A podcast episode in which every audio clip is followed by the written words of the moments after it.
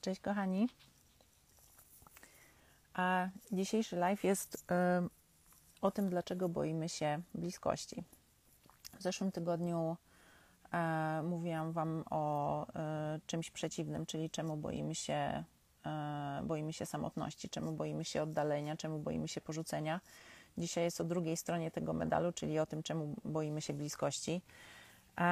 I wysłaliście do mnie wcześniej pytania Mam je tutaj wszystkie, więc będę y, je po kolei adresować. Jeżeli coś do Was przyjdzie y, w tak zwanym międzyczasie, to y, piszcie, postaram się na wszystko odpowiedzieć. No pierwsze pytanie jest takie, jak, jak myślę o bliskości, to nie wiem, jak się mam zachować, jak zacząć to ogarniać. No i to jest bardzo fajne pytanie, które w zasadzie moja odpowiedź na to pytanie prawdopodobnie podsumuje cały ten live a przynajmniej go zacznie. Um, wiecie, jak, jak mnie obserwujecie, no to wiecie, co to jest wewnętrzne dziecko. I wiecie, że to jest e, część nas, która albo w dzieciństwie nie dostała tego, czego potrzebowała i nie dostawała regularnie tego, czego potrzebowała, albo taka, która e, doznała różnorakich traum ze strony rodziców. I teraz każdy ma w sobie wewnętrzne dziecko, ale każdy ma w sobie też dorosłego. E, tych wewnętrznych dzieci mamy ileś tam, tyle ile tam tych traum i tych braków nam się przydarzyło, tyle mamy wewnętrznych dzieci, a dorosły jest jeden. Dorosły to jest ta część nas, która myśli logicznie, jest dosyć mało emocjonalna, jest taka twardo stąpająca po, ziem po ziemi, oczywiście ma odczucia, ma emocje i tak dalej, natomiast to wszystko jest takie bardziej stonowane, bardziej dojrzałe, i bardziej dorosły ma poczucie, że ma generalnie wszystko ogarnięte, że nawet jeżeli dzieją się złe rzeczy, to okej, okay, patrzę co się dzieje, patrzę co mogę z tym zrobić i zaczynam robić. Natomiast w momencie, kiedy wewnętrzne dziecko przejmuje nad nami kontrolę, czyli ta część nas, która jest totalnie w emocjach i to tych emocjach z dzieciństwa, no to my właśnie nie wiemy, my się czujemy zagubieni, my czujemy wszystkie trudne emocje, które są. I to jest e, taki moment, w którym my w ogóle nie mamy kontaktu z dorosłym. Odcina nas od dorosłego, ponieważ mamy odcięty płat czołowy, który decyduje, za, e, decyduje o podejmowaniu decyzji, o logicznym myśleniu i tak dalej. Czyli jakby dorosłego nie ma w momencie, kiedy wewnętrzne dziecko wchodzi na tak zwaną scenę. No i teraz pytanie jest takie: jak myślę o bliskości, to nie wiem, jak mam się zachować. I teraz, no to na pewno nie jest dorosły, nie? Bo dorosły wie, jak się zachować, plus minus. A nawet jeżeli nie wie, no to tak posiedzi chwilę i sobie pomyśli: dobra, co ja czuję, co mi to mówi, co ja chcę z tym zrobić i to robię. Natomiast jeżeli ty nie wiesz, nie wiesz, jak się zachować, a wiem, że jesteś e, babką, że tak powiem, w sile wieku, nie jesteś e, małolatką, no to, no to to znaczy, że to jest wewnętrzne dziecko. Wewnętrzne dziecko to jest taka część nas, która jest bardzo w trudnych emocjach. Emocji trudnych mamy generalnie trzy: strach, e, gniew i smutek. W momencie, kiedy jesteśmy dziećmi wychowywanymi w dysfunkcyjnym domu, a każdy dom gdzieś tam był dysfunkcyjny, to to my bardzo jesteśmy w tych trudnych emocjach, a najbardziej jesteśmy w strachu. Dlatego, że mm, dysfunkcyjna rodzina, dysfunkcyjni rodzice sprawiają, że dziecko nie ma zupełnie poczucia bezpieczeństwa. No, ja też ściskam. E, dziecko nie ma zupełnie poczucia bezpieczeństwa, dziecko jest przerażone. I e, zwłaszcza w momencie, kiedy rzeczywiście doznaje traum, że to są nie tylko braki, ale po prostu traumy, to jakby dziecko widzi i doświadcza rodziców w taki sposób, że rodzice są sprawcami mojego nieszczęścia, rodzice są sprawcami mojego cierpienia. Jeżeli rodzice są sprawcami cierpienia dziecka, no to kto jest po, po stronie dziecka? Dziecko czuje, że jest samo. E, a dzieciak, będąc dzieciakiem, nie potrafi nic, nie ma żadnych zasobów, praktycznie żadnych i praktycznie nic nie potrafi, e, ale nie, nie jest w stanie funkcjonować sam w życiu, dlatego potrzebuje rodziców. E, I w momencie, kiedy dziecko czuje, że rodzice są przeciwko niemu, e, albo że rodziców nie ma dla niego, albo fizycznie, albo emocjonalnie, no to dziecko jest przerażone. Dla dziecka to jest, to znaczy śmierć. Jeżeli rodziców nie ma po mojej stronie, to ja umrę. W związku z tym pod bardzo wieloma sytuacjami, w których wewnętrzne dziecko przejmuje nad tobą kontrolę, jest strach przed śmiercią, czyli najtrudniejsza emocja, z jaką w ogóle jako ludzie się mierzymy i jako w ogóle jakby istoty żyjące się mierzymy. E, a tutaj mierzy się z tym dziecko, czyli, czyli yy, osóbka, no, która po prostu nic nie potrafi, nic nie wie, jest totalnie zależna i jakby, no wiecie, bez rodziców nie istnieje. Um, i, I dlatego te momenty, kiedy yy, wewnętrzne dziecko przejmuje nad nami kontrolę w dorosłym życiu, to są te momenty, kiedy my jesteśmy totalnie skołowani, bo czujemy ten strach, który czuliśmy wtedy w dzieciństwie. Jakby te sytuacje, które przydarzają nam się w dorosłym życiu, przypominają nam w jakiś sposób, znaczy my je interpretujemy w taki sposób, że przenosi nas to do dzieciństwa. I teraz, jak kochana piszesz, jak myślę o bliskości, to nie wiem, jak się mam zachować. Y, no to, no to właśnie, no. E, nie wiesz, jak się masz zachować, czyli Twoje wewnętrzne dziecko przejmuje nad Tobą kontrolę, dlatego że e, bliskość z drugim człowiekiem prawdopodobnie kojarzy się z cierpieniem. E, ponieważ bliskość z Twoimi rodzicami w dzieciństwie kojarzyła Ci się z cierpieniem. Znaczy była, nawet nie kojarzyła, była dla Ciebie cierpieniem. Ty cierpiałaś w bliskości ze swoimi rodzicami. Zamiast czuć się e, beztrosko, bezpiecznie i bezwarunkowo kochaną, to Ty czułaś strach przed śmiercią. Czyli jakby skrajnie różną i bardzo trudną emocję. Dla każdego, dla dziecka tym bardziej. Um, I teraz no, to, co, to, co tutaj jest, to jest strach, prawda? Strach przed bliskością. Strach jest emocją, która y, biologicznie i ewolucyjnie chroni nas przed różnymi zagrożeniami, które na nas czyhają. Oczywiście, jakby system, w którym żyjemy, jest, no, można by mówić i mówić na ten temat, ale generalnie jest takim, można byłoby powiedzieć, dosyć wygodnym więzieniem w którym e, jakby ta wygoda systemu polega na tym, że no, tygrys mi nie wyskoczy z krzaków najprawdopodobniej, albo nie umrę z głodu, bo mam na każdym kroku e, sklepik z zielonym płazem w logo, co nie? Więc nie muszę się martwić już o podstawowe rzeczy typu przetrwanie, tak jak kiedyś. Um, I um, Natomiast mimo, że my się nie musimy bać tych rzeczy, które teoretycznie mogłyby nam zagrażać, to my cały czas się boimy tego, co nam zagrażało w dzieciństwie.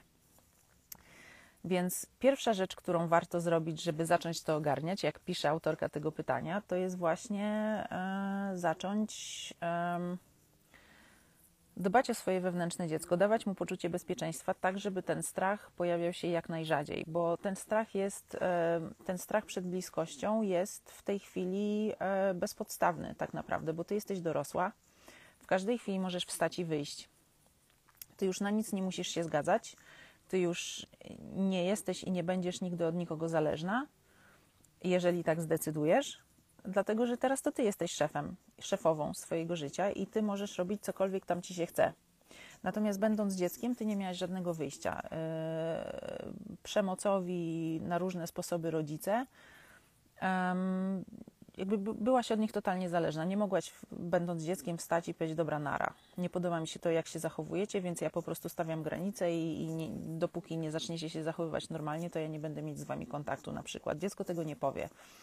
Pamiętajcie, że im bardziej toksyczny jest rodzic, tym bardziej dziecko chce być blisko rodzica wręcz. Robiąc różne rzeczy, żeby zasłużyć w końcu na tę bezwarunkową miłość, które, którą y, rodzic jest winny dziecku.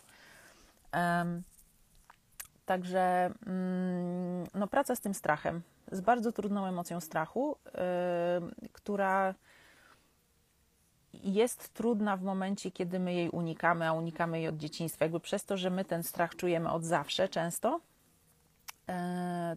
to, to jest dla nas o wiele bardziej przerażające niż rzeczywiście jest. I tak naprawdę zamiast e, poczuć porządnie ten strach i tak go przeżyć, świadomie go poczuć w ciele, czyli zrobić to, na czym polega praca z wewnętrznym dzieckiem, tak naprawdę, świadomie poczuć ten strach w ciele i zobaczyć, że dobra, ja w tej chwili się boję, natomiast ja cały czas żyję, jestem ok, jestem fundamentalnie bezpieczna, nic mi nie grozi.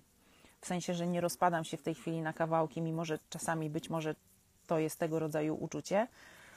ale świadome poczucie tego strachu, danie sobie tej, tego bezpieczeństwa, którego zabrakło w dzieciństwie, jest kluczem do, do pracy w takich sytuacjach, kiedy się boimy różnych rzeczy, na przykład właśnie bliskości.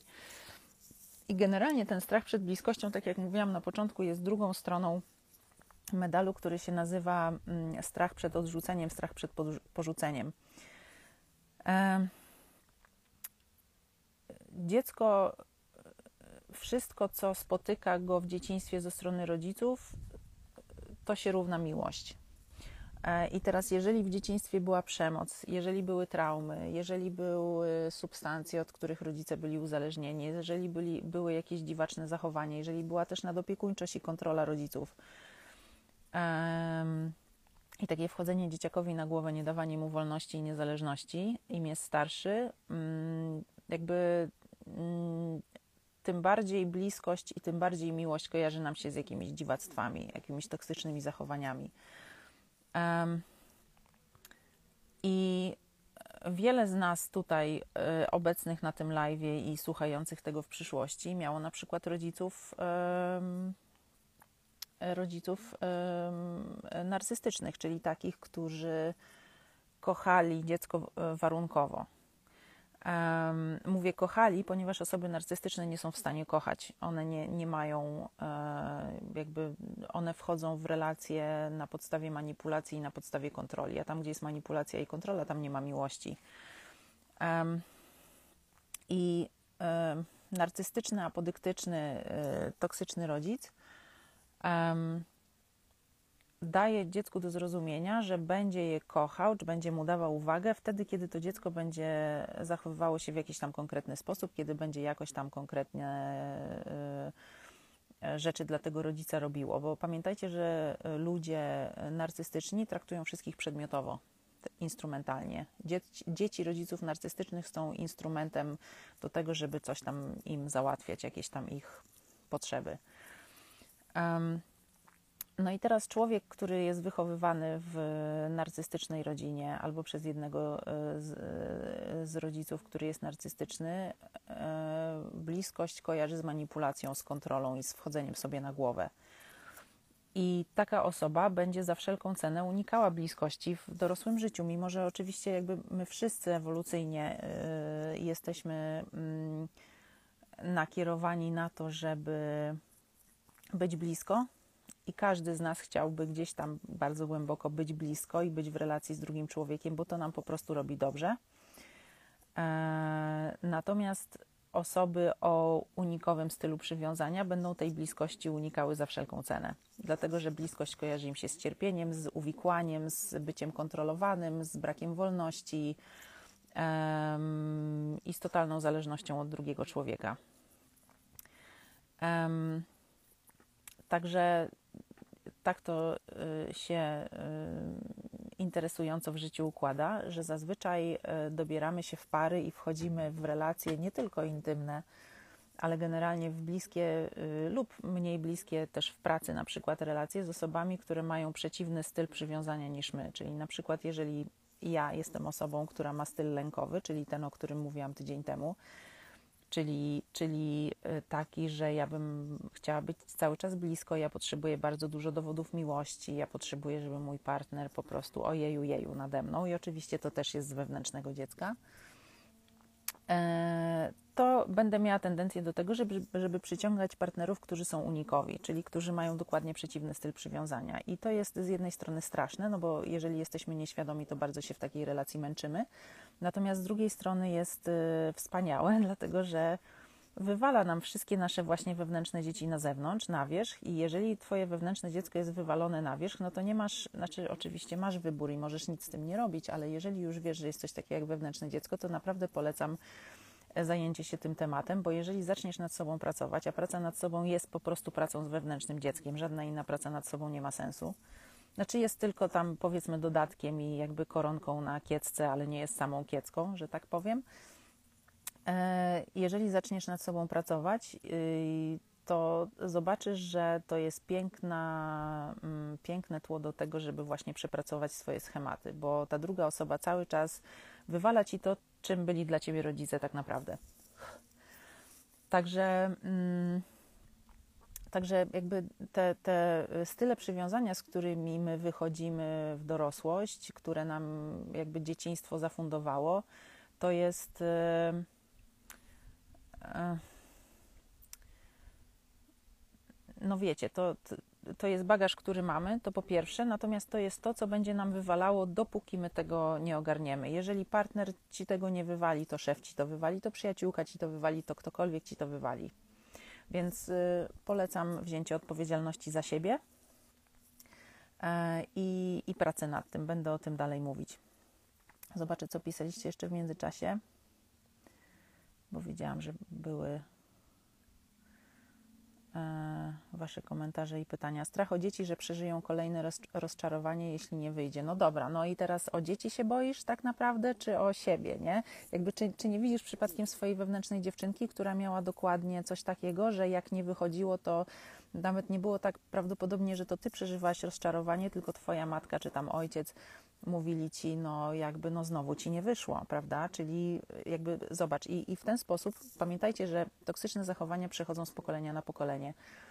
Um, my jest, y, nasi rodzice są toksyczni, dlatego że ich rodzice byli toksyczni i my w związku z tym też mamy bardzo duże szanse, że będziemy toksyczni i w ogóle jesteśmy toksyczni, bo już nawet bycie w tym stylu przywiązania albo w tym lękowym, albo w w unikającym, no to to już są toksyczne zachowania i względem siebie, i względem drugiego człowieka.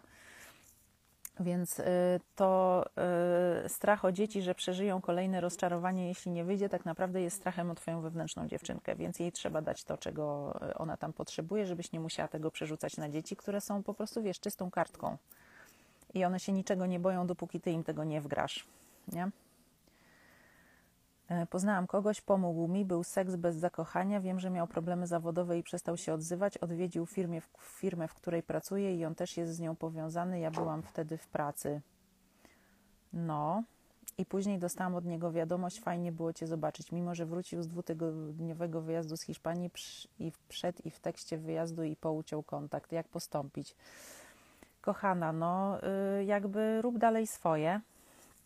E, mm, wiecie, jak my mamy właśnie tendencję do wiązania się, jakby te osoby y, lękowe, czyli te, które bardzo pragną być blisko, mają tendencję do wiązania się z osobami unikowymi, czyli z tymi, które potrzebują bardzo dużo przestrzeni, to działa to tak, że im bardziej ta osoba lękowa chce być blisko, tym bardziej osoba unikowa ucieka, tym bardziej osoba lękowa naciska, tym bardziej lękowa ucieka. I tak można sobie w nieskończoność i do niczego to nie doprowadzi. E, więc jeżeli trafiasz na faceta, który, yy, czy tam facet na kobietę, jakby to nie ma żadnego znaczenia, który jest unikowy, to po pierwsze, są bardzo duże szanse, jeżeli on się nie ogarnie, że to zawsze będzie tak wyglądało, że on znika. No i teraz zadaj sobie pytanie, czy chcesz być z takim partnerem, i oczywiście z dorosłej byś sobie odpowiedziała: Nie, oczywiście ja chcę mieć takiego fajnego, dojrzałego partnera. Natomiast Twoja wewnętrzna dziewczynka, która prawdopodobnie doświadczała nieobecnego ojca, y, unikowego ojca, nieobecną emocjonalnie narcystyczną matkę, to dla niej to będzie po prostu raj, no bo ona to pamięta z dzieciństwa, więc to równa się miłość, więc ona do takich związków będzie dążyła. Więc yy, praca z wewnętrzną dziewczynką, która tutaj już się zahaczyła. W momencie, kiedy on zaczął uciekać, bo w, pierwszym, w pierwszej wiadomości napisałeś bez zakochania. Bez zakochania super, robisz dalej swoje, żyjesz swoim życiem i masz na to wywalone Natomiast ponieważ już zaczynasz zadawać drugą część tego pytania, to znaczy, że wewnętrzna dziewczynka się zahaczyła, dlatego że w tej sytuacji z tym gościem widzi odbicie swojej sytuacji z którymś z rodziców albo z obydwojgiem z rodziców. No i twoje wewnętrzne dziecko w tej chwili już po prostu jest złapane na wędkę i sobie myśli, tym razem mi się uda, tym razem ja się tak postaram, tym razem ja po prostu no nieba mu przychylę, no po prostu będę najlepszą partnerką świata, najbardziej wyrozumiałą, w ogóle no wszystko dla niego zrobię, tak, że on mnie wybierze i on jednak zostanie i on się stanie tym wspaniałym partnerem, takim jakim na przykład tatuś nigdy nie był tatusiem dla mnie w dzieciństwie, więc to jest pułapka, nie idźmy tą drogą. E, praca z wewnętrznym dzieckiem. Zuzanna z rana lepsza niż najlepsza kawa. Dziękuję bardzo, przyjmuję to. Um, mm, po trzech latach zrozumiałam, że wszystko się wzięło od porzucenia przez matkę. Dokładnie. No i to jest właśnie to, o czym mówiłam wcześniej, nie? że jakby e, relacje z naszymi rodzicami są dla nas matrycą są e, wzorcem, wzorcem naszych relacji, zwłaszcza właśnie relacja z matką, ale nie tylko, relacja z ojcem też. Mówiłam o tym w warsztatach o matczynej i ojcowskiej narcystycznej ranie. To są nasze pierwsze, najważniejsze relacje, najbliższe.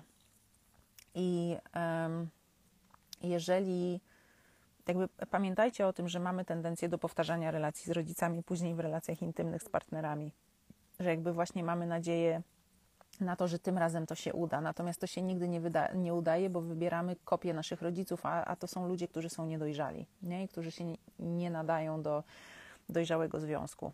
Więc tak jak piszesz, po trzech latach zrozumiałam, że wszystko wzięło się od porzucenia przez matkę. No więc jak ty byłaś w dzieciństwie porzucona przez matkę, to później miałaś tendencję do wybierania na przykład w twoim przypadku przyjaciółek, e, które też w jakiś sposób cię porzucają, nie? I którym ty potrzebujesz udowadniać, że, że ty jesteś warta tego, żeby one jednak e, przy tobie zostały.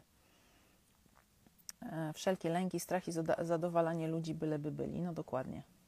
Czyli ja, ja będę, ja zasłużę na to, że, że ten ktoś mnie pocho, pokocha, nie? I, I mnie wybierze i przy mnie zostanie. Co więcej, wyniesie się z warsztatów o matce. Mam poczucie, że tu tyle wiedzy, że nie wiem, czy kupić. No y, więc tak, y, to jest live, który trwa 21 minut w tej chwili, więc y, wyobraź sobie teraz 4-godzinny warsztat, gdzie masz. No jakby to jest, wiecie, no ja staram się, żeby było efektywnie, bo nie lubię lania wody. E, więc y, no możesz sobie wyobrazić, tam jest mnóstwo procesów, mnóstwo takich głębokich pytań, e, które mają Cię doprowadzić do, do istoty Twojego mechanizmu, do istoty Twojej trudności, do, do tego właśnie źródła, do tej matrycy, z której później wszystko wynika. Więc tak. E, tak, 21. 21, kochana. Dobra, y, piszcie tutaj, co Wam w duszy gra w międzyczasie, a ja lecę dalej z pytaniami. Um, strach przed otwarciem się, pokochaniem kogoś i porzuceniem później. No właśnie, no to kto Cię porzucił, y, kto Cię porzucił w dzieciństwie, nie? Przez kogo, znaczy, wiecie, to, to nawet nie jest tak, że że, że my musieliśmy być porzuceni w dzieciństwie jako dzieci, czyli że po prostu zostaliśmy oddani do domu dziecka, chociaż oczywiście i takie przypadki się zdarzają, z takimi przypadkami też pracuję. Natomiast to jest subiektywna ocena dzieciaka. Jeżeli dziecko czuło się porzucone przez rodziców, bo na przykład, y, nie wiem, rodzice byli ciągle w pracy, albo rodzice byli emocjonalnie nieobecni, albo, nie wiem, jeden rodzic pił, a drugi ojciec, y, rodzic lał, czy był zajęty sobą i, i byciem ofiarą, no to, no to to już jest poczucie przez dziecko, że było porzucone, nie? No i teraz, y, jeżeli boisz się bycia porzuconą, no to właśnie przez kogo czułaś się porzucona w dzieciństwie? I praca nad tym, żeby, mm, żebyś ty dorosła dla samej siebie, stała się mm, najlepszą matką i najlepszym ojcem, najlepszym rodzicem, jak, jakiego możesz mieć. E, natomiast my często mamy z tym problem, bo wychodząc, jakby będąc w toksycznym e, dzieciństwie, często wchodzimy w taką rolę siłaczki, e, kogoś, kto wszystko na siebie bierze, kto wszystko ogarnie, kto no po prostu da radę. Ja daję radę. I oczywiście to jest piękny zasób i to jest piękna umiejętność, która się bardzo w życiu przydaje, natomiast potrafi też być pułapką, jak każdy schemat z dzieciństwa, dlatego że um, mamy wtedy, jakby będąc po, w, tej, w, tej, e, w tej skrajności, jestem silna, mamy bardzo mały dostęp do tego, że potrafię być słaba, że nie wiem, proszę o pomoc, że nie daję sobie rady, I bardzo ciężko jest wtedy pracować z wewnętrznym dzieckiem. Znaczy, niekoniecznie, ale, ale często jest trudność w pracy z wewnętrznym dzieckiem, dlatego że, um, dlatego, że um, wewnętrzne dziecko jest kwintesencją słabości, jest kwintesencją poddania się, bierności, um, niemożliwości zrobienia niczego tak naprawdę. Także. No ale znowu, jest to, jest to praca nad emocjami. Jakby nie uleczymy siebie, dopóki nie przeżyjemy, nie dożyjemy tego, co nam się mm, przydarzyło w dzieciństwie. I teraz ta praca nad sobą nie polega nad babraniem się w dzieciństwie i po prostu, no już teraz nie rozmawiamy o niczym innym, tylko o tym, jak to mi było strasznie. E, to jest skupienie się na sobie, na swoich emocjach, dożycie tych emocji, przeżycie tych emocji w bezpiecznych warunkach, w bezpiecznych okolicznościach, yy, po to, żeby zobaczyć, że te emocje nie są straszne, że emocja jest informacją, po prostu to nie jest nic, co jest przerażające. Natomiast przez to, że my w dzieciństwie musieliśmy te emocje, które czuliśmy, te trudne emocje pod dywan zamiatać, bo nie było miejsca na to, żeby je uhonorować. Rodzice w ogóle nawet swoich emocji nie ogarniali, a co dopiero nasze. Y, to my nie jesteśmy w ogóle tego nauczeni. Natomiast nauka czucia emocji to jest największy skarb, jaki można e, sobie podarować i tak naprawdę z siebie e, samej i z siebie samego wyciągnąć, e, bo mm, no to jest źródło gigantycznych, gigantycznego złoża informacji na nasz temat i na temat tego, co się dzieje wokół nas, w naszym środowisku, w naszych okolicznościach, nie? Jak e, kochana pytałaś o te warsztaty, no to a propos warsztatów i a propos emocji, to teraz w październiku, w cztery niedziele października będziemy właśnie skupiać się na czuciu emocji. I to jest o tyle ważne, że y, czasami przychodzą do mnie osoby, które mówią, no wszystko u mnie jest spoko i w ogóle moje życie jest fajne i mam dzieci, i mam rodzinę, i mam pracę i w ogóle ojeju, jeju, jeju, wszystko się niby układa. Natomiast ja nie potrafię się niczym cieszyć. No i teraz ręka w górę y, ci, którzy tak czują, nie potrafisz się cieszyć, dlatego że odcinając się od trudnych emocji w dzieciństwie, jesteś odcięta, odcięty od wszystkich emocji, które są, czyli też od radości. E, nie będziesz potrafiła, potrafił czuć radości, miłości, otwartości, przepływu w momencie, kiedy nie nauczysz się czuć strachu, wkurwu i smutku. Po prostu. I w związku z tym te warsztaty tak skonstruowałam, że zaczynamy od, tego, od tej najtrudniejszej emocji, e, z którą przychodziło nam się w dzieciństwie i dalej przychodzi się nam mierzyć, czyli ze strachem. I tu będzie bardzo dużo procesów nad e, uwalnianiem tego strachu i tak naprawdę nad oswajaniem tego uczucia, bo to jest trudna emocja, dlatego że, czy dla nas w tej chwili to jest trudna emocja, dlatego że kojarzy nam się z tym śmiertelnym strachem w dzieciństwie, kiedy te rzeczy, które nam się przydarzały, rzeczywiście były dla, mnie, dla nas śmiertelnie niebezpieczne, natomiast w dorosłości rzadko kiedy coś takiego ci się przydarzy, a jeżeli coś takiego ci się przydarza, to ty siedzisz i mówisz, dobra, to co ja mogę z tym zrobić? W dorosłości fundamentalnie jesteśmy bezpieczni. W dorosłości fundamentalnie nic nam się nie może wydarzyć. Są, jest oczywiście prawdopodobieństwo takie, że zaraz mi coś tutaj wyskoczy z krzaków i mnie zje, natomiast jest to prawdopodobieństwo małe w stosunku do tego, jaki na przykład potrafię czuć strach i lęk w różnorakich życiowych sytuacjach, będąc w wewnętrznym dziecku, nie? I teraz nauka czucia y, tych emocji, która y, na tych warsztatach będzie się odbywała w grupie osób, które mają dokładnie takie same problemy jak ty, łącznie ze mną, y, jest naprawdę piękną przestrzenią do tego, żeby to robić i bezpieczną przestrzenią, żeby się tego uczyć. I bo jakby to jest kwestia doświadczenia i często jak pracuję z wami, to no wiecie, tam macie już tam świadomość i wiecie, że no nie wiem, że, że to my naszą uwagą tam decydujemy, w co wchodzimy i tak dalej, i tam, gdzie idą nasze myśli, no to to zyskuje na znaczeniu i tak dalej, i tak dalej. Ale jedna rzecz to jest wiedzieć, a druga rzecz to jest czuć.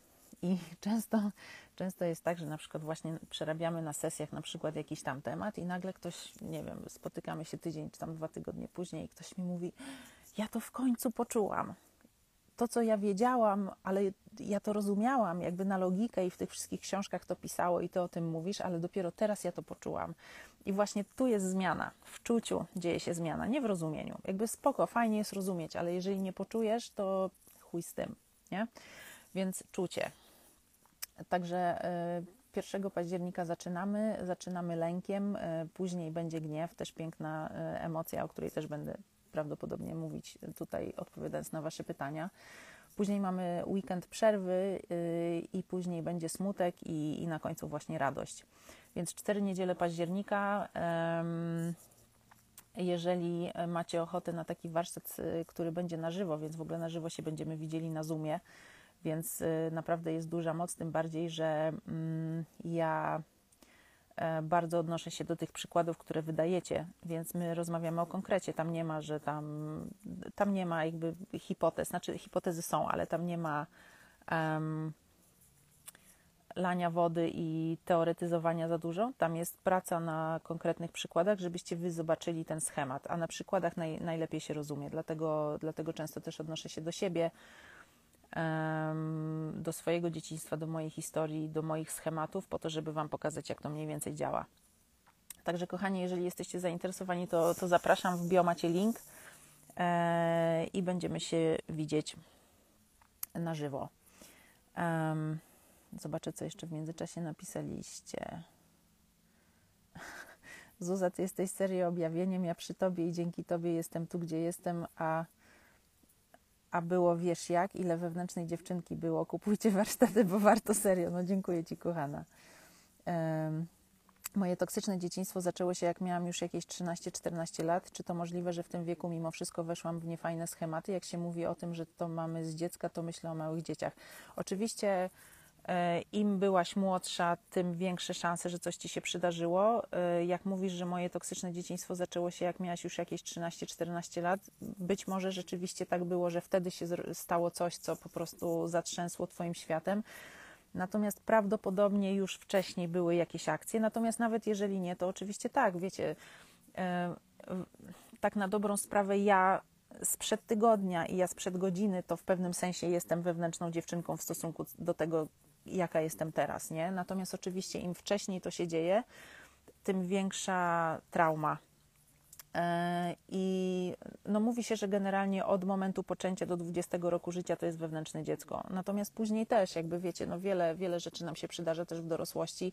To już są rzeczy, na które jesteśmy bardziej przygotowani, bo jesteśmy bardziej otrzaskani z życiem. Mamy wykształcony przede wszystkim układ nerwowy, potrafimy gdzieś tam czuć te emocje, powiedzmy. Natomiast. No wiecie, um, oczywiście odpowiadając na, krótko na Twoje pytanie, to tak, oczywiście to jest możliwe, że to, że to na Ciebie wpłynęło. E, od jakich warsztatów warto zacząć? Myślę o dziecku, mamie i tacie. Rób zawsze to, co czujesz, kochana. Czyli możemy się irytować i być w tym, czy być w obserwacji tego uczucia u siebie. E, wszystko możemy. E, będąc dorosłą, nic nie musisz, wszystko możesz. To jest piękne. Natomiast w tym wszystko możesz, patrzymy też na to, czy nie przekraczamy granicy innych osób. Mm, czy nie naruszamy strefy innych osób. E, wkurw jest uczuciem, które niesie ze sobą bardzo dużo energii, do, którego często zwłaszcza kobiety nie mają dostępu, no bo musiałyśmy być grzecznymi dziewczynkami. I w ogóle jakby no, kobiety się nie irytują, kobiety są raczej takie miłe i sympatyczne, prawda? E, natomiast y, odcinając się od gniewu, y, odcinamy się od naszego wewnętrznego ognia, od naszej kreatywności. E, I jak pytasz, czy możemy się wkurwiać i być w tym, czy, czy być w obserwacji do tego uczucia u siebie, pracując nad sobą, wykształcamy dwa rodzaje uwagi. E, jednocześnie jesteś osobą, która przeżywa daną emocję, i jednocześnie jesteś osobą, która obserwuje ciebie przeżywającą daną emocję. Czyli jesteś, jesteś jakby w dwóch, w dwóch przestrzeniach w tym samym czasie. E, I ta umiejętność obserwacji, to bycie e, uważną na siebie i na to, co się dzieje w środku, to jest właśnie kwintesencja pracy nad sobą, tak naprawdę. Ok. Um. Jedna z Was napisała, jak, jak napisałam o tym, że będzie live o, e, o mm, strachu przed bliskością, to jedna z Was napisała, ja tak mam. Myślę, że wynika to ze strachu i lęku przed porzuceniem, odtrąceniem. Dokładnie tak. Więc jeżeli już czujesz, że wynika to z lęku przed porzuceniem, odtrąceniem, no to tak jak mówiłam wcześniej, kto cię porzucił, kto cię odtrącił w dzieciństwie i pamiętaj, że już nie jesteś dzieckiem i że teraz możesz, jakby ty dorosła jesteś szefową i to ty dorosła e, jesteś w stanie zaopiekować się tymi częściami ciebie, które były odrzucone, bo to już było kiedyś, to oczywiście się wydarzyło, to jest bardzo ważne, to jest jakby no, matryca Twoich późniejszych zachowań, natomiast w pewnym sensie to jest iluzja, tego już nie ma. Eee, to emocjonalnie w Tobie jest, natomiast faktycznie tego już nie ma, to było kiedyś. Ty już jesteś inną osobą. Eee, natomiast przez to, że emocjonalnie to jest dalej w Tobie, dlatego tak bardzo ważne jest zaadresowanie tych emocji, żeby one nie rządziły z ukrycia Twoim życiem Bo jeżeli tego, jeżeli nie zobaczysz tej wewnętrznej dziewczynki, jeżeli nie zaopiekujesz się tym strachem, jeżeli nie dasz sobie poczuć, że fundamentalnie jesteś w tej chwili bezpieczna, to będziesz miała tendencję do szukania tego na zewnątrz i będziesz na przykład być może miała tendencję do tego, że będziesz oczekiwała od partnera, że to on będzie tym kimś, kto cię uratuje, że on powinien być zawsze przy mnie, że on powinien w ogóle po prostu o mnie dbać i o jeju, jeju. I oczywiście każdemu życzę takiego partnera, natomiast pamiętajcie, że bycie partnerem to jest bycie dorosłym w związku z dorosłym, a nie bycie dzieckiem szukającym rodzica w postaci partnera. Partner nie, nie chcesz, żeby był twoim rodzicem. Chcesz mieć faceta, nie chcesz mieć, nie chcesz mieć tatusia. Tak samo nie chcesz być matką dla partnera, nie? Tylko chcesz, żeby to, żeby to był związek dwoj, dwojga dorosłych. E... Zajmij się sobą. Zajmij się sobą. To jakby zawsze od tego zaczynamy. Poza tym pamiętaj też, kochana, swoje poprzednie relacje, nie? I zobacz, czy to ci tego nie przypomina i czy ci nie przypomina e, relacji z rodzicami, jak zawsze. W każdym razie zawsze odpowiedzią jest zajęcie się sobą. Rób swoje. Co ma przyjść, to przyjdzie. Co, co jest twoje, to zostanie, a co nie jest twoje, odejdzie. E, dlaczego uciekam od takiej zwykłej, codziennej bliskości? Dotyk e, przytula z całus.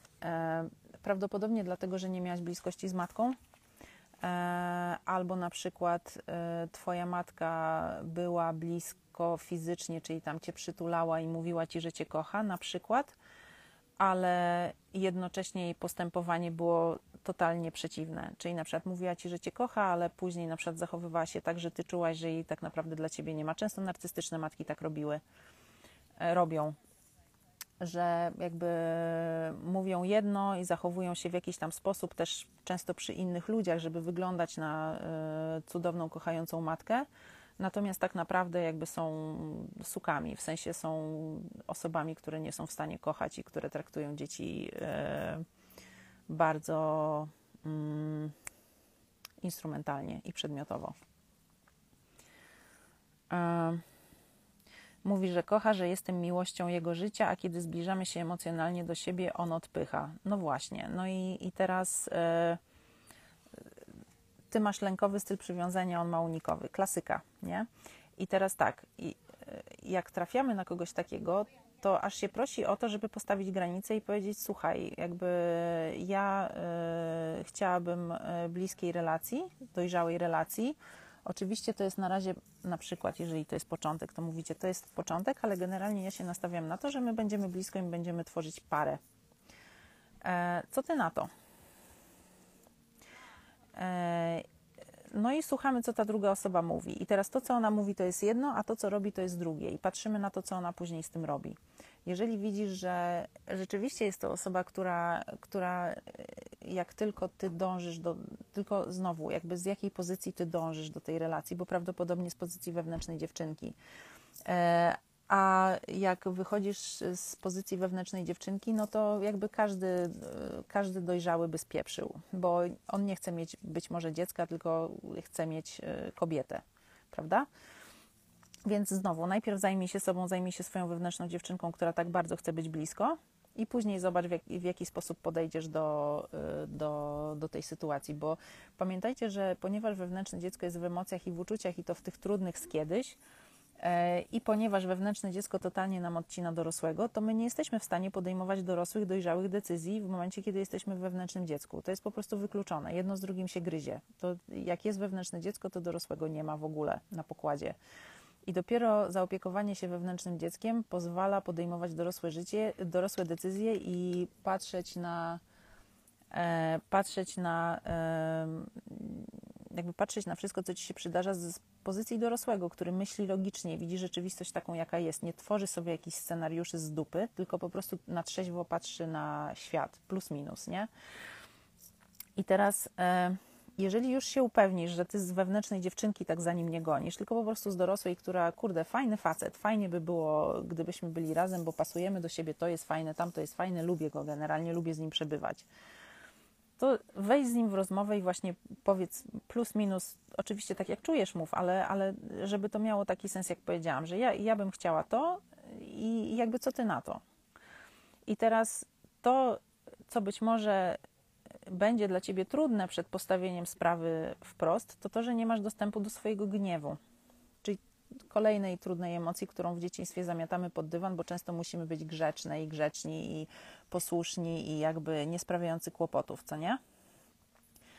Um, I um, dlatego tak ważny jest dostęp do gniewu, bo w momencie, kiedy nie dajesz sobie prawa do tego, to nie jesteś w stanie jakby wyczuć tego, kto przekracza i kiedy przekracza Twoje granice. I nie jesteś w stanie też powiedzieć y, człowiekowi: Ej, słuchaj, mi się to nie podoba. E, gniew jest też emocją, która jest tak bardzo y, potrzebna nam, dlatego że gniew e, kontaktuje nas y, automatycznie z dorosłą częścią nas w momencie, kiedy jesteś na kogoś wkurwiona, jesteś w dorosłej. Więc yy, yy, gniew jest, yy, często mówię, że pozwalaj gniewowi się prowadzić, jakby słuchać tego, co on do ciebie mówi. Tym bardziej, że jeżeli nie będziesz tego słuchać, to gniew będzie ci się na przykład pokazywał w momencie, kiedy będziesz miała przed sobą osobę słabszą, na przykład twoje dziecko, prawda? E, czyli, nie wiem, szef przekracza Twoje granice, e, partner przekracza Twoje granice, inni ludzie przekraczają Twoje granice, Ty pozwalasz po sobie jeździć, bo nie masz dostępu przy nich do gniewu, bo Cię na przykład zatyka, bo masz e, taką reakcję na strach jak zamrożenie albo, na, albo sprawianie przyjemności innym swoim kosztem. Natomiast jak już wracasz do domu i jesteś przy dziecku, które jest totalnie od ciebie zależne i które wszystko od ciebie przyjmie, no to tam już po prostu hulaj dusza i w ogóle wkurw na wszystko. I jesteś wtedy toksyczną matką, dlatego że nie masz zdrowego dostępu do gniewu. Ważne. Um, czemu czuję się niewarta uwagi przy fajnym facecie i widząc jego zainteresowanie uciekam? E, bardzo wiele może być powodów. Oczywiście, jakby popatrz na dzieciństwo, popatrz na swoich rodziców i, i na to, jaką miałaś relację z rodzicami. Natomiast często też jest tak, że my podświadomie, znaczy mniej lub bardziej świadomie wybieramy sobie partnera, y, który jest w jakiś sposób słabszy, który wyszedł z toksycznego domu na przykład w pozycji podporządkowanej, który jest osobą, która, której odpowiedzią na strach jest y,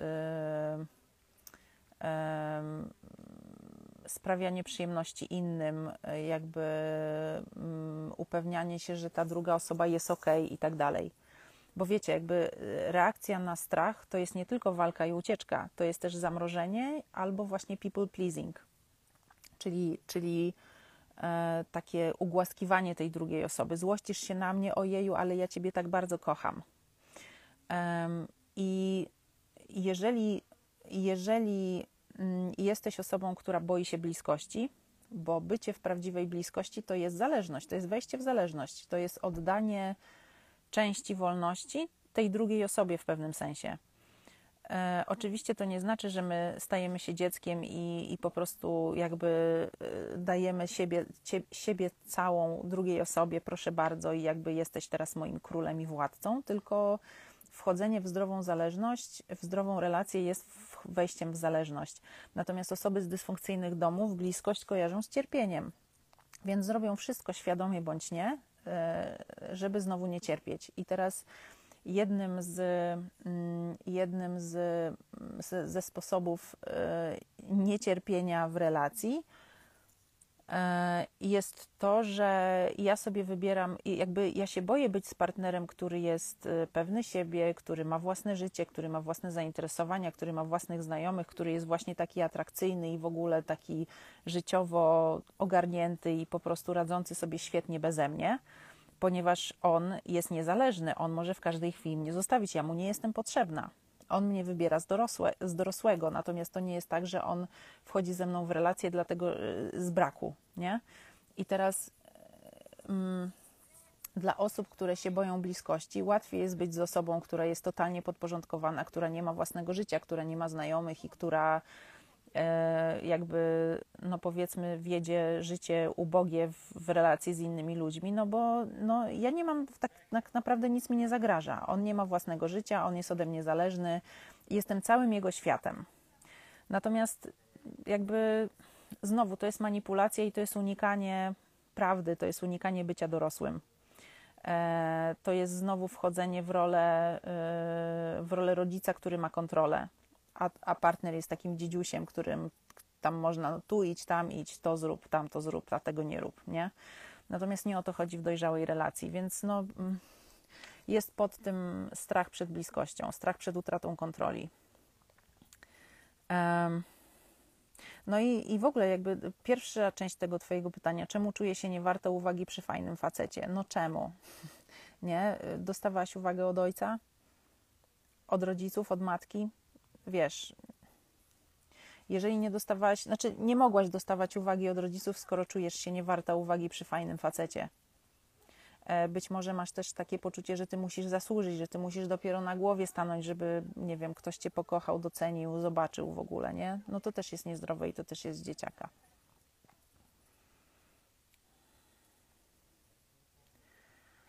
Po zdradzie próbowałam wybaczyć, ale po 18 latach wybuchłam. Czy to znaczy, że nie za zapomniałam i nie wybaczyłam? No tak, nie pozwoliłaś sobie na ten gniew wtedy, kiedy był na niego, kiedy była na niego przestrzeń i teraz to cię dopada. Znaczy, wiesz, yy, żałoba trwa, jakby żałoba po stracie trwa tyle, ile tam jej pozwolimy, nie? I, I, właśnie o to chodzi w przeżywaniu emocji, bo zobacz, gdybyś wtedy sobie pozwoliła na gniew, a nie pozwoliłaś sobie na ten gniew, dlatego że musiałaś być grzeczną dziewczynką, która tam e, próbuje nadążyć za mamusią i próbuje sprawić, że mamusia ją pokocha, no to teraz cię dopadło. No ale dobrze, że, dobrze, że teraz niż, że w ogóle, nie? Ale tak, no jakby gniew jest częścią na przykład przeżywania żałoby po stracie. Jak tego nie przeżyjesz, no to, no to nie, nie zaakceptujesz tego wszystkiego, co się wydarzyło. Dostałam miłość od partnera jako siedemnastolatkowie, później z czasem uczucie wygasło, odszedł, bo powiedział, że już miał dosyć, że nie dawałam mu tego, czego chciał miłości, nie rozumiem go, nie kocha. Mm, nie wiem, kochana.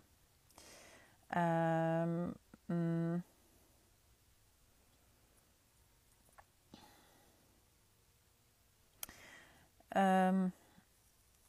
Jak mówisz, że, że nie dawałaś, że on powiedział, że nie dawałaś mu miłości, wiecie, wszyscy mamy wewnętrzne dzieci, twój partner też, więc yy, nie wiem, być, bo, bo to trochę brzmi z dziecka, że nie dawałaś mi miłości. No co to znaczy nie dawałaś mi miłości? No to takie trochę dzidzia, dzidzia yy, do mamusi idąca, nie? Natomiast no to, to już jest po stronie twojego partnera. Natomiast to, co, to czym ty się, kochana, zajmij, to to...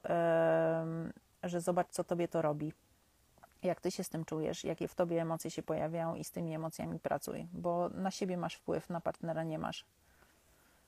E, partner przez cały okres bycia razem interesował się zawsze innymi kobietami, czułam się gorsza, a mówił, że mnie kocha. Teraz odszedł, bo chce znaleźć kogoś, kto go pokocha. Czy problem jest ze mną? Znaczy, problem na pewno jest z wami dwojgiem, no bo jeżeli partner przez cały okres bycia razem interesował się innymi kobietami, no to jest jakaś jego akcja. E, z drugiej strony, ty się czułaś gorsza, e, więc ty się czułaś gorsza, dlatego że w dzieciństwie czułaś się gorsza i rodzice sprawiali, że czułaś się gorsza, i dlatego później wchodzisz w relację z człowiekiem, który tak naprawdę nie wiem, czy tam ciebie nie chce, czy ty tak to odczytujesz. W każdym razie pamiętajcie, że w toksycznej relacji oboje jesteśmy toksyczni. Czyli problem jest i w nim, i w tobie. Nie wiem, czy cię to pocieszy, natomiast pocieszające jest to, że możesz pracować nad sobą i możesz, wiesz, jak zaczniesz nad sobą pracować, to wszystko się zaczyna dookoła zmieniać. E, to, co w środku, to na zewnątrz. Na zewnątrz doświadczamy, jakby, jeżeli macie chaos na zewnątrz, jeżeli macie chaos w relacjach, jeżeli macie chaos w finansach, e, w relacjach z dziećmi, to naprawdę to jest odzwierciedleniem tego, co macie w środku. Jeżeli zaczniecie ogarniać to, co macie w środku, wszystko, co jest na zewnątrz, zacznie się e, prostować. Dlatego praca nad sobą jest totalnie i ultra ważna i, i jakby jest podstawą wszystkiego. Praca nad sobą, praca nad własnymi emocjami. E, jestem DDA, mam 40 lat i wciąż łapią mnie lęki, że mi się nie uda, że nie dam rady. Jak sobie z tym radzić? No, wewnętrzne dziecko nie, e, prawdopodobnie twoi rodzice w dzieciństwie dawali ci do zrozumienia, że nie dajesz rady, że ci się nie udaje, albo być może miałaś nadopiekuńczą matkę, która ci mówiła: Oj, nie, no zostaw, bo, bo sobie nie poradzisz. Nie, nie, ja to za ciebie zrobię, nie poradzisz sobie, nie dasz rady. I nawet te słowa nie musiały padać, ale samo bycie, jakby posiadanie nadopiekuńczej matki daje ci do zrozumienia, że ty, nie dasz, że, że ty nie dasz rady, że ona musi być cały czas blisko, no bo ty bez niej, no to w ogóle no, nie wiesz nawet, gdzie jest góra, a gdzie dół, prawda? I oczywiście y, nadopiekuńcze matki robią to po to, żeby czuć się potrzebne i żeby dziecko było jej własnością i żeby dziecko nigdy się nie usamodzielniło i żeby było zawsze przy mamusi. Robią sobie w ten sposób często zastępczego partnera z dziecka, więc uwaga przed tym. Natomiast y, radzić z tym sobie y, przez pracę z lękiem z dzieciństwa i pracę nad emocjami, czyli tak jak zawsze, tak jak z każdym problemem. Skąd blokady przed przyjmowaniem prezentów i uczucie, że teraz ja muszę coś dać? No, jak zwykle z dzieciństwa, y, to, że nie potrafisz przyjmować, być może oznacza, że jesteś siłaczką, że w dzieciństwie szybko musiałaś e, poczuć się silna. I wtedy e, jakby mamy w ogóle e, takie poczucie, że to my musimy dawać, zwłaszcza jeżeli byłyśmy czy byliśmy ofiarami parentyfikacji, czyli sytuacji, w których to my byliśmy, jakby my pełniliśmy rolę rodzica przy rodzicu, przy rodzicach, względem naszych rodziców. E, kiedy nie mogliśmy być beztroskimi dzieciakami, tylko musieliśmy już od razu od, na dzień dobry brać na siebie bardzo, duże, e, bardzo dużą odpowiedzialność, na przykład e, poczucie odpowiedzialności za emocje rodzica, za to, co się w ogóle dzieje w domu między rodzicami. Czasami, jak z Wami pracuję, no to są takie historie, że, że byliście jako dzieci mediatorami między rodzicami, albo matka mówiła idź po ojca do baru, nie, bo z Tobą przyjdzie, a ze mną nie, a mi zrobi awanturę, czy coś takiego. Więc jakby to wszystko jest od dzieciaka. Mm. E, parę dni temu dostałam aprobatę od mamy, mam 40 lat, e, że przeżywam rozstanie. Przecież tyle kobiet się rozstaje, żebym się nie żaliła bliskim, lepiej obcym, bo rodzina będzie gadać.